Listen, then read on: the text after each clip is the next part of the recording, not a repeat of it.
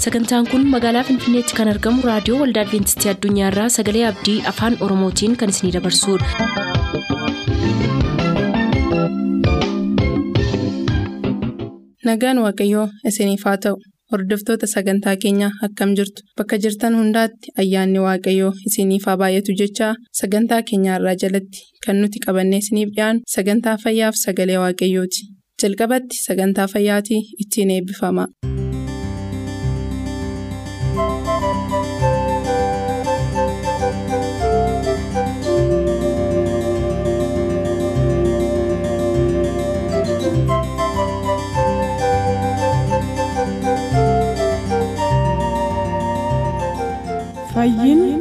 Hundumaaf.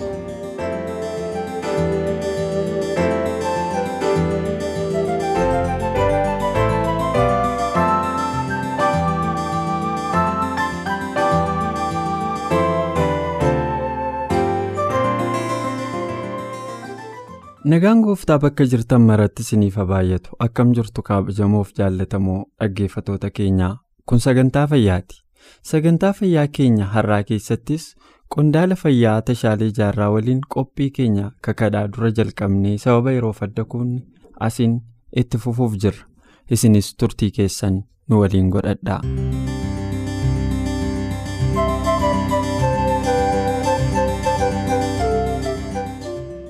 Eertuu isaa seeraan yaadadhu yeroo tokko Museen ijoolleen Israa'el bobbaa yeroo ba'anii. mooraa keessaa ba'anii bobbaa akka godhan bobbaa sana ba'uuf immoo eeboo isaaniitii yookiin billaa isaaniitiin lafa qotanii bobbaa isaanii akka ba'an itti himee ture naannoo isaanii akka hin xureessineef. Yeroo Musees kun tureera yeroo uumamaa hundumaatti immoo waaqayyo naannoo keenya akka eegnu eeguudhaan immoo akka itti fayyadamnu nutti himeera jechuudha. Namoonni baay'een kan wanta nuyi jennu kanaaf gatii kennuu danda'an gaafa hospitaala fa'aa. Wiirtuu wallaansa fayyaa adda addaa deeman. Hubachuu danda'u ta'a malee akka nuyi amma haasofnu kanatti hubachuu dhiisuu danda'u. Garuu waa maraafu itti fayyadamuuf kunuunsuun kun jireenyuma keenyarraa iyyuu hin jalqabu naannootti utuu manca'in durayyuu qaamuma keenyarraa jireenyuma keenyarraa iyyuu hin jalqabu ati kanaan ol qabsiistee dhuunfaarraa kaase ispeesifikiidha gara jeneraaliitti gaafa deemu. Waan dhuunfaarraa gara dimshaashaatti gaafa bal'istu mee itti fayyadamuuf kunuunsu jireenyuma keenya waan maqaama keenya itti fayyadamuuf nuu kenname kana itti fayyadamuuf kunuunsuu kanaan ol qabsiiftee waan hunduma isaayyuu envaaroomentis dabalate balaa inni qabu jabeessitee dubbatteettaa wanti kun balaa guddaa qaba taanaan immoo irruma jennee buruqsinee dubbachuu qabnaa jechuudha mee kanaan ol qabsiisiiti. Waan jabeesseen darba itti qabaatte carraan sii bana. Gaafii baay'ee ba'eessa baay'ee mishaadha. Yeroo tokko tokko misparsiivii yookiin akka dogoggoraatiin hubata. Hoomaan kennaa ekspoojarii kana yookiin miidhama kana keessa hin jirres keessas tarreerra. Yeroo baay'ee achi mudhisa malee gara kiyya mudhisuutu narra ture. Akkuma naannootti jechatu jira. Namni hundinuu uduu naannoo ufii balbala ufii qulqulleessee magaalli ni qulqullooftii jedhu. Walitti qabama manaatiin magaala ka ta'u. Hundinuu ganama ganama balbala ufii qulqulleessee qulqullaa'eera jechuu hundinuu. Yoo hundinuu caddise naannoon hundinuu balfa jechuudha. Akkuma san karaa fayyaatiin illee namni hundinuu osoo. Sochii qaamaa kan hojjetu ta'ee kun iskoolaarii adda addaatiin illee barreeffameera. Sochii qaamaa oduu kan hojjetu ta'ee akkuma sadarkaa fayyaa isaati jechuudha. Namni taa'ee sochii qaamaa hojjetu jira. Namni suuta lukaan deemaa hojjetu jira. Namni ispoortii cimaa hojjetu jira. Namni fiigicha danda'ee hojjetu jira. Namni ruutiinii adda addaa hojjetu jira. Namni duddi dhukkubu. Pushaappii yookiin waan adda addaa isa cimaa waan adda addaa muka daanfilii waan kanneen sibiila kaasuu hin danda'u. Kaasuu dhiisuu danda'a. Akkuma sadarkaa fayyaa isaatiin namni hundinuu osoo sochii qaamaa hojjatee kiliinikii fi buufanni fayyaa fi akkasuma hospitaalli adda addaa hin baay'atuuyyuu. Qorannaa akkasiitu jira. Kanaaf nu hundinuu osoo naannoo kunuunsuus haa ta'uu seera waaqaas haa ta'uu qaama keenya eeggachuus haa ta'uu soorata gaarii haa ta'uu namni hundinuu osoo ofirraa kaasee waanuma xiqqoo tama xiqqoo barate san hojiirratti oolchaa hojiirratti oolchaa jiraate nama mana isaa dhaqu nama isa waliin jiraatu hiriyyaa isaa influensiitti uuma jechuudha. Ebaluu oduu nyaatu bisaaniin dhugu. Ebaluu nyaata guyyatti harka lama qofa nyaata. Wanta dubbiseerutu jira. Wanta qorateerutu jira. Seerri isaa akkas. Gaafa jedhee namni ollaakeetti onna jedhe ebaluu sochii qaamaa ganama ganama gaafuun hojjeta. Ifaami yookiin ammoo sochii qaamaa galgala galgala irbaata isaa sa'a kudha tokkotti malee hin nyaatu achi booda hin nyaatu. Wanti akkanaa naannoo keetitti waan ati hojjette irraa qabee gaafa dubbatame barnoonni kana caala hin jiru. Amma influensii yookiin ammoo isarratti dhiibbaa uumte jechuudha. Jijjiiramni akkana dhufa. Hadaraa jennee dhageeffattoota keenyas ka dubbachuu barbaade dhaamsi an dabarsuu barbaade lataa boodas hin dubbannaa namatti akka hin murteessine firdii namatti akka hin murteessine suutuma jennee jireenya keennaanis carraa yoo arganne namatti dhiyaannee keenna godhanne suuta jennee barsiifna malee namatti akka murteessine haa amantootas haa ta'u. Nama mana waaqeffannaa keessa guddisee tureerus haa ta'u. Ifaami dhaabbicha keenna haa cimsinu malee in any circumstance. Haaluma kamiinuu dhaabbicha keenna haa cimsinu malee namatti akka murteessine nama akka busheessine nama akka qubaan hin mul'ifne. Kanaaf gaafii ati na gaafatteef dhuunfaa keenyatti qaama keenya seera waaqaa naannoo seera uumamaa eeggachuu fi jireenya keenyaan barsiisuu. Afaaniin illee barsiisaa jireenya keenyaan illee eeggachuutu nurra jira. Gaafiin ati keessa cimsitee gaafatte maalidhaa? Yeroo tokko tokko dogoggoraan hubanna. Yoo qaama keenya miine yoo wama maraafuu giddii qabaachuu dhabaanne yookiin ammoo wamaa dirqama qabaachuu baanne rakkoon qabu waanuma dubbii waaqaa qofa dubbifnee. Uffata keenya miicannuu nyaata nyaannuu maal maal jennee mana samayii waan galluuf wanti lafa kanaa nu yaadachiisu jechuudha. Persepshiniin akkasii jiramu hin jiru. Amantoota keessa. Sirriitti jira. Miidhamni akkanaa guddaa keessa lufneerra. Ammas ekspoojeriin akkasii jira. Wantoonni kunniin sirriitti hubatamuu qaba barsiifamus qaba. Waaqayyo akka fayyaa qabaannu barbaada. Waaqayyo hojjannee akka qabeenya qabaannu barbaada. Qabeenya qabaachuun cubbuu miti. Ilaalcha badatu jira mana waaqeffannaa keenya keessa. Nyaataa dhuddoo irratti ilaalcha badatu jira. Shoomaa yoo oolle yookiin beelofne yoo oolle akka waan mana samayii gallutti akka waan nama gaarii taanu ilaalcha akkasii kanneen baay'eetu jira. Hujii yoon hojjanne naannoo yoon kunuunsine rakkoo hin qabu nu mana samayii waan qophoofnuuf jechuudha. Kanaaf bakka hin kennu. Hojiidhaaf bakka hin kennu. Kun dogoggora. Akkuma dura dubbanne harki wanti uumameef lutti wanti uumameef sammuun kunniin hundu baalaansii baalaansiingi jettee barreessite waan hundumaa baalaansiingi. Madaalawaa gochuu. Baalaansiingi maatii fayyaa keenya hujii barnoota sochii qaamaa karaa adda addaatiin waan hundumaanuu baalaansiingi. Inni barreeffame maannin waan nama hundumaayyuu fayya qabeessa godhee uumeera. Dhibeen illee dhugamaa ajajamuu dhabuu irraa dhufa. Garuu iyyooba ajajamuu dhabuu dhabee. Itti dhufee balaan kun. Kana mucaan sun ajajamuu dhabeeti ijji uduun argine. Kan dhalate. Bal'aa jechuun ta'ee dhalate. That was a demonstration of God. Inni sun akkaataa waaqayyo uf ibsuu barbaade. Faami. Maartiin Luuter uduun gubatiin maaf hafe? Haas jaaroomifa maaf gubatan? Isaanin dhogguu argite? Phaawulosiif Sillaas kaateenaan hidhamanii dhiinni akkasi jigaa ture. Balleessaa qabanii waaqaafi miti? Irraan dhogguu hin danda'amii waaqayyo? Nama kuma sadii oltu halkan tokkoon faaruu gammachuu isaan achi keessa taa'anii faarsataniin amanan argite? Hennaa waaqayyoo sirratti uf ibsuu barbaade. Dhogguu hin dandeettu. Rakkoodhaan achi keessa waaqayyo mul'ata. eenyu Paawulos harka sadii kadhatee saayitii rakkoo wayii qaba. agartuu ija isaatii wajjin kan ol qabate dhukkuba qaba. Ifaa miti garuu wanti sun. Ifaa miti. yeroo damaasqoo ta'ee waan wayii ta'ee rakkina wayii qaba. Kadhate garuu. Ani achi keessa kennaan kiyya sigaa. Achi keessa waan guddatu eebba guddaa qaba jechuudha Paawulos achi keessatti. Ayyaanni koo qofaan si Si ga'a. ga'a. Humni koo dadhabaa keessaan hojjeta. Namni baay'een dhibamaa jiraatamu. Nama waaqa guddisee jaalatu ta'ee jechuudha. Maal wanti akkanaa beektaa? Mistirii waaqaa gaafa hin hubatin maal goona? Yaa waaqayyoo mucaa koo naa fayyisi. Yaa waaqayyoo ebaluun fayyisi. Fayyisii qofa beennanu. Kadhannaan kenna illeessan. Feetii kee haa ta'uu kiristaanni baratuu qaba. Ifaami? Kanaadhaafi waaqayyo waan ufii ufitti ibsu yoo hin taane kun ammoo waan adda haasaara. Ka duraa immoo ajajamuu dhabuun balaa adda addaa nama Peereed. Garuu wantoonni kun addatti fo'amee ilaalamuu qabu. Waaqayyo karaa ittiin uf ibsu. Ani yoo beela oole, yoo uffata kiyya miicanne, yoo hojii hojjanne,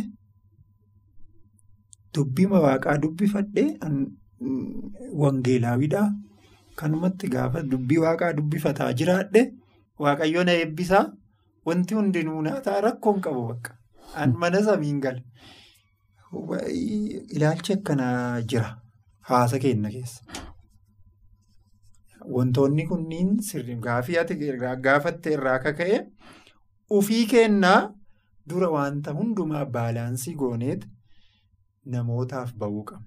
Anamma yeroo baay'ee waan ispoortii uduu barsiise narraa mishaala. Ofii kiyyaa waan ittiin hojjedhuufi waa'ee fayyaa haala wantoota uumamaa naachuraal remedii tiruu remedii wantoota uumamaa waan nu bira jiran sasalphaadhaan fayyadamne gatii guddaa kan hin baafne qaama keenya saayid effektii isa jennu yookiin nu hin miine isaan kanneen fayyadamne qaama keenya fayyaa keenya eeggachuuf yaalamuu waggaa baay'ee jiraachuu isa kana uduu barsiise natti tole maaf an achi keessa jira waan ta'eef.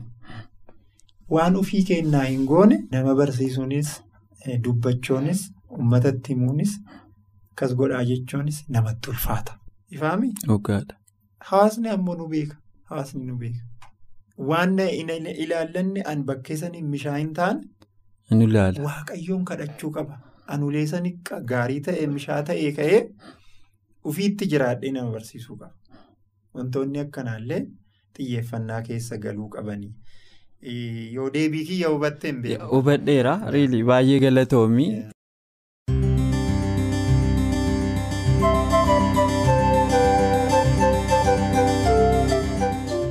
Egaa jaallatamoo dhaggeeffatoota keenyaa akkuma sagantaa keenya har'aa keessatti dhaggeeffachaa turtan dhibeen karaa lama nu mudachuu danda'a jedha ogeessi kun. Tokko rakkoo of eeggannoo gochuu dhabuu keenyaa yoo ta'u inni lammaffaa immoo karaa waaqayyo ittiin of mul'isus ta'uu malaa jedhaan. Walumaa galatti waan gama keenyaan nurraa eegamu gochuutti akka hin dhiboofneef of eeggachaa sagantaa keenya har'aa asirratti yommuu goolabnu yeroo itti aanu qophii fayyaa keessatti kan hafu isiniif qabannee dhiyaanna ammasitti nagaan nuuf tura.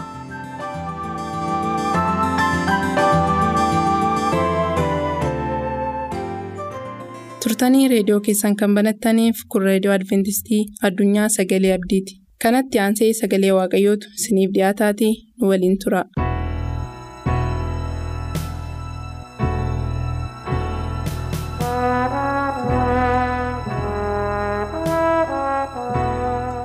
Eenyu masaricha haa ijaaru jedha. Eenyu masaricha haa ijaaru mee dubbii kana keessa lixnee utuu hin ilaalin. Qulqulluun hafuura waaqayyoo akka nu geggeessuuf haa kadhannu qulqulluu abbaa keenyaa guddaas galateeffanna yeroo kanatti masaraa kee eenyu haa ijaaru kan jedhu mata duree kana yeroo irratti barannutti hubannaa kennuuf kennu nus masaricha ijaaruudhaaf akka kaanuuf nu gargaare. Humna kee nu wajjiniin haa ta'u eebba kee nu baay'isi. Maqaa yesuusiin. Ameen. bara duritti namoonni masaraa waaqayyoo ijaaruudhaaf of kennan turaniiru. Bara har'aas waaqayyo kan of kennan ni barbaada. Aarsaa of gochuudhaan yeroo isaanii aarsaa gochuudhaan jireenya isaanii aarsaa gochuudhaan humna isaanii horii isaanii aarsaa gochuudhaan masaraa waaqayyoo ijaaruudhaaf kan ka'an namoonni amanamoon namoonni waaqayyoof of kennan turaniiru. Bara koof bara keessan keessatti immoo har'a eenyu fa'i waaqayyoon ni barbaada. Kan of kennan hojii isaatiifis kan dhaabatan ni barbaada. Yoo izraaf nahimiyaa ilaalle mana waaqayyoo ijaaruudhaaf hidhatanii ka'anii rakkoo baay'een tureera. Gidiraa baay'een tureera mana waaqayyoo isa diigame ijaaruudhaaf ka'anii? Haaressuudhaaf ka'anii? Rakkoo baay'eenis mudatee ture. Mana waaqayyoo ijaaruudhaaf yeroo ka'anitti? Mormitoonni baay'een turaniiru. Seexanni diinni waaqayyoo kan ta'e ijaaramuu masaraa waaqayyoo waan hin jaallanneetiif. Fayyina lubbuu ilmaan namootaa waan hin jaallanneetiif. Mormitoota baay'ee akka hin hiriirsiti agarra. Rakkoo baay'ee na tooyyuu malee? Mormitoonni isa guutan malee? Qorumsi cimaanis irra haa ga'u malee izraaf nahimiyaan gara booddee isaanii otoo hin deebi'in masaricha ijaaruudhaaf hidhatanii ka'an macaafa nahimiyaa boqonnaa afur lakkoofsa tokkoof afurraa yoo ilaalle akkas jedha. Nuyi yihudootni dallicha deebifnee ijaaruu akka jalqabne sanbalaaxi yommuu dhaga'e baay'ee aaree hin eekkame nutti hin geesses lakkoofsa afurirraa immoo akkas jedhaan ani nahimiyaan yaa waaqa keenya tuffatamuu keenya dhaga'i arrabsoo isaan nu arrabsan matuma isaanitti deebisi. Akka isaan saamamaniifis biyya warra isaan booji'utti dabarsiisaan kenni jedhee yeroo inni itti dubbatutti agarra haa ta'u iyyuu malee mormiin irratti akka malee sagaleen waaqayyoo dhugaa ture. Xoobbiyaaf sanbalaxa mormii cimaa akka isaan irratti geessisan agarra dabarrees lakkoofsa torba yoo dubbifanne sanbalaxiif xoobbiyaan warri arabaaf warri amoon warri ashoodedis akka nuyi dallaa yerusaalem deebifnee ijaaraa jiru qaawwa dallichaas akka nuyi duuchine yommuu dhagaan baay'ee hin aaran jedha. Eeyyee dallaa waaqayyoo masaricha yeroo isaan ijaaruudhaaf ka'anitti xoobbiyaaf sanbalaxa akkasumas immoo qomoo baay'een warri arabaas warri ashooded warri jedhamanis naannoo sanatti aarii guddaan irratti ga'ee ture. Isaan utuu hin ta'in seexanii diinichi keessa goruudhaan hojii guddaa hojjechaa akka turetti agarra. Izraaf nahimiyaan garuu garboonni waaqayyoo amanamoon kan ta'an hojii waaqayyoofis hidhatanii kan ka'an utuu teellaa hin deebiin. Hojii waaqayyootiif amanamummaatti akka isaan itti fufan masaricha ijaaruudhaafis gara fuulduraatti akka isaan deemanitti agarra. garbichi waaqayyoo phaawulos qorontoota tokkoffaa boqonnaa kudha jaha lakkoofsa sagal irratti yeroo dubbatu kanas afaan biraatiin yookaan karaa biraa yeroo inni kaa'uti agarra. Innis hojii waaqayyootti waamamee ture masaraa waaqayyoo ijaaruudhaaf waamamee ture. Lubbuu saba waaqayyoo badan deebisuudhaaf waamamee ture. Lubbuu hoolota waaqayyoos eeguudhaaf waamamee ture. Akkuma kana immoo kan morman hojii kanaaf faallaa kan deeman mormitoonnis akka turan dubbata. Akkas jedha balballi guddaansaas naa banameedha hojiinis keessa guutuu jedha mormituunis keessa baay'eedha jedha. Qorontos tokkoffaa boqonnaa kudha ja'a lakkoofsa sagal irratti. Akkas jedha kanaaf yaa saba waaqayyoo yeroo kanatti asirraa kan hubannu maali? Garbichi waaqayyoo phaawulos hojii waaqayyootiif yeroo inni waamame jedhutti. Mormitoonnis akka turan teellaa deebisuudhaaf hojii kanatti gufuu kaa'uudhaaf hojiin kun akka inni bakka hin geenye fayyinni lubbuu ilmaan namootaas akka inni karaatti tafuuf danqaraadhaan akka inni guutuuf yaalii guddaa godhan iyyuu. Dhugumaan hojiin waaqayyoo immoo bakka ga'uudhaaf teellaatti hin deebine kan waaqayyoo dhaabe eenyuun buqqisu kan waaqayyoo ijaares eenyuun diiguu danda'u yaadi waaqayyoo gonkumaa dhowwamuu hin danda'amu. Waaqayyoo afaan isaa keessaa kan ba'es hin jijjiiru. Kaayyoo waaqayyoos teellaa deebi'uu hin danda'u. Haa ta'uyyuu malee garboota isaatiin waaqayyo hojjechuu danda'eera. mootota isa duraa boqonnaa ja'a lakkoofsa tokko kaastanii yoo dubbifattanis kan argachuu ni dandeessu. Solomoon garbichi waaqayyoos waldaa waaqayyoo ijaaruudhaaf akka inni ka'e abbaan isaas daawwiti waldaa waaqayyoo ijaaruudhaaf yeroo jedhetti waaqayyoo ati cubbamaa wanta taateef waldaa naa ijaaruu hin dandeessu. Harka kee keessas dhiiga baay'eetu jira yeroo ittiin jedhetti. Garuu si keessaa inni ba'u ilmi dhalatu solomoon garbichi koo naaf waldaa hin ijaara yeroo inni ittiin jedhe. mootota isa duraa boqonnaa ja'a lakkoofsa tokko kaastanii yoo dubbifattanii seenaa kana gadi fageenyaan hin argattu. Hammam akka ga'u dheerinni waldaa kanaa bal'inni isaas muka attamitti irra ijaaramuun akka irra jiru waaqayyo qajeelcha adda addaa yerootti kennutti agarra. seenaa baraasa lammaffaa boqonnaa 29 lakkoofsa 11 irratti yoo ilaalle yaa ilmaan koo jedha fuula isaa dura dhaabattanii isaaf hojjechuudhaaf aarsaas isaaf aarsuudhaaf waaqayyo isin fo'ateera hin dhibaayinaa jedha. Yaa saba waaqayyoo kormi dubbii keenyaa eenyu masaricha haa ijaaru jedha.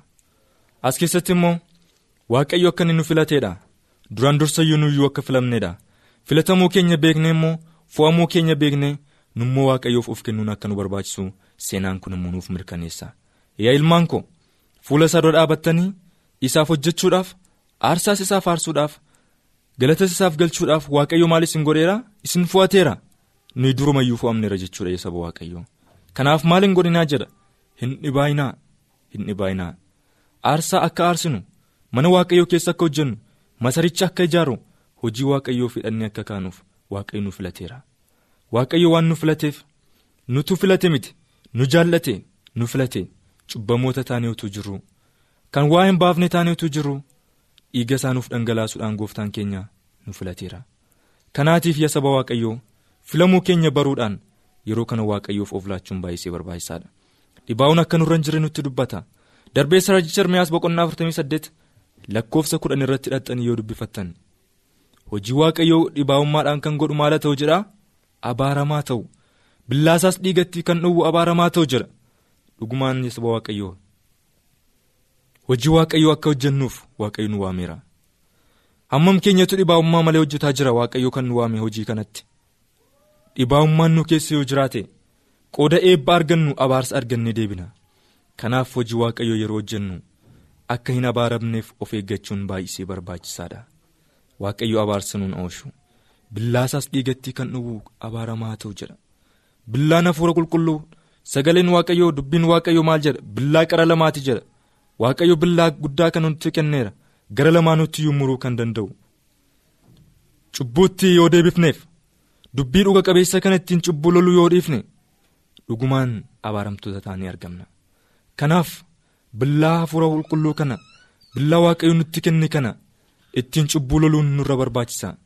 Tokkoon tokkoon keenya har'a of eeggannaadhaan billaa kana qabachuu nu barbaachisa. Qorontoos isa tokkoffaa boqonnaa kudha shan lakkoofsa shantamii saddeet irratti hidhattanii immoo yoo dubbifattan. Kanaafis jedha yaa obboloota koo kan jaallatamtan kan jabaattan ta'a utuun socho'in kan irraa haftanis ta'a hojii gooftaa hojjechuutti.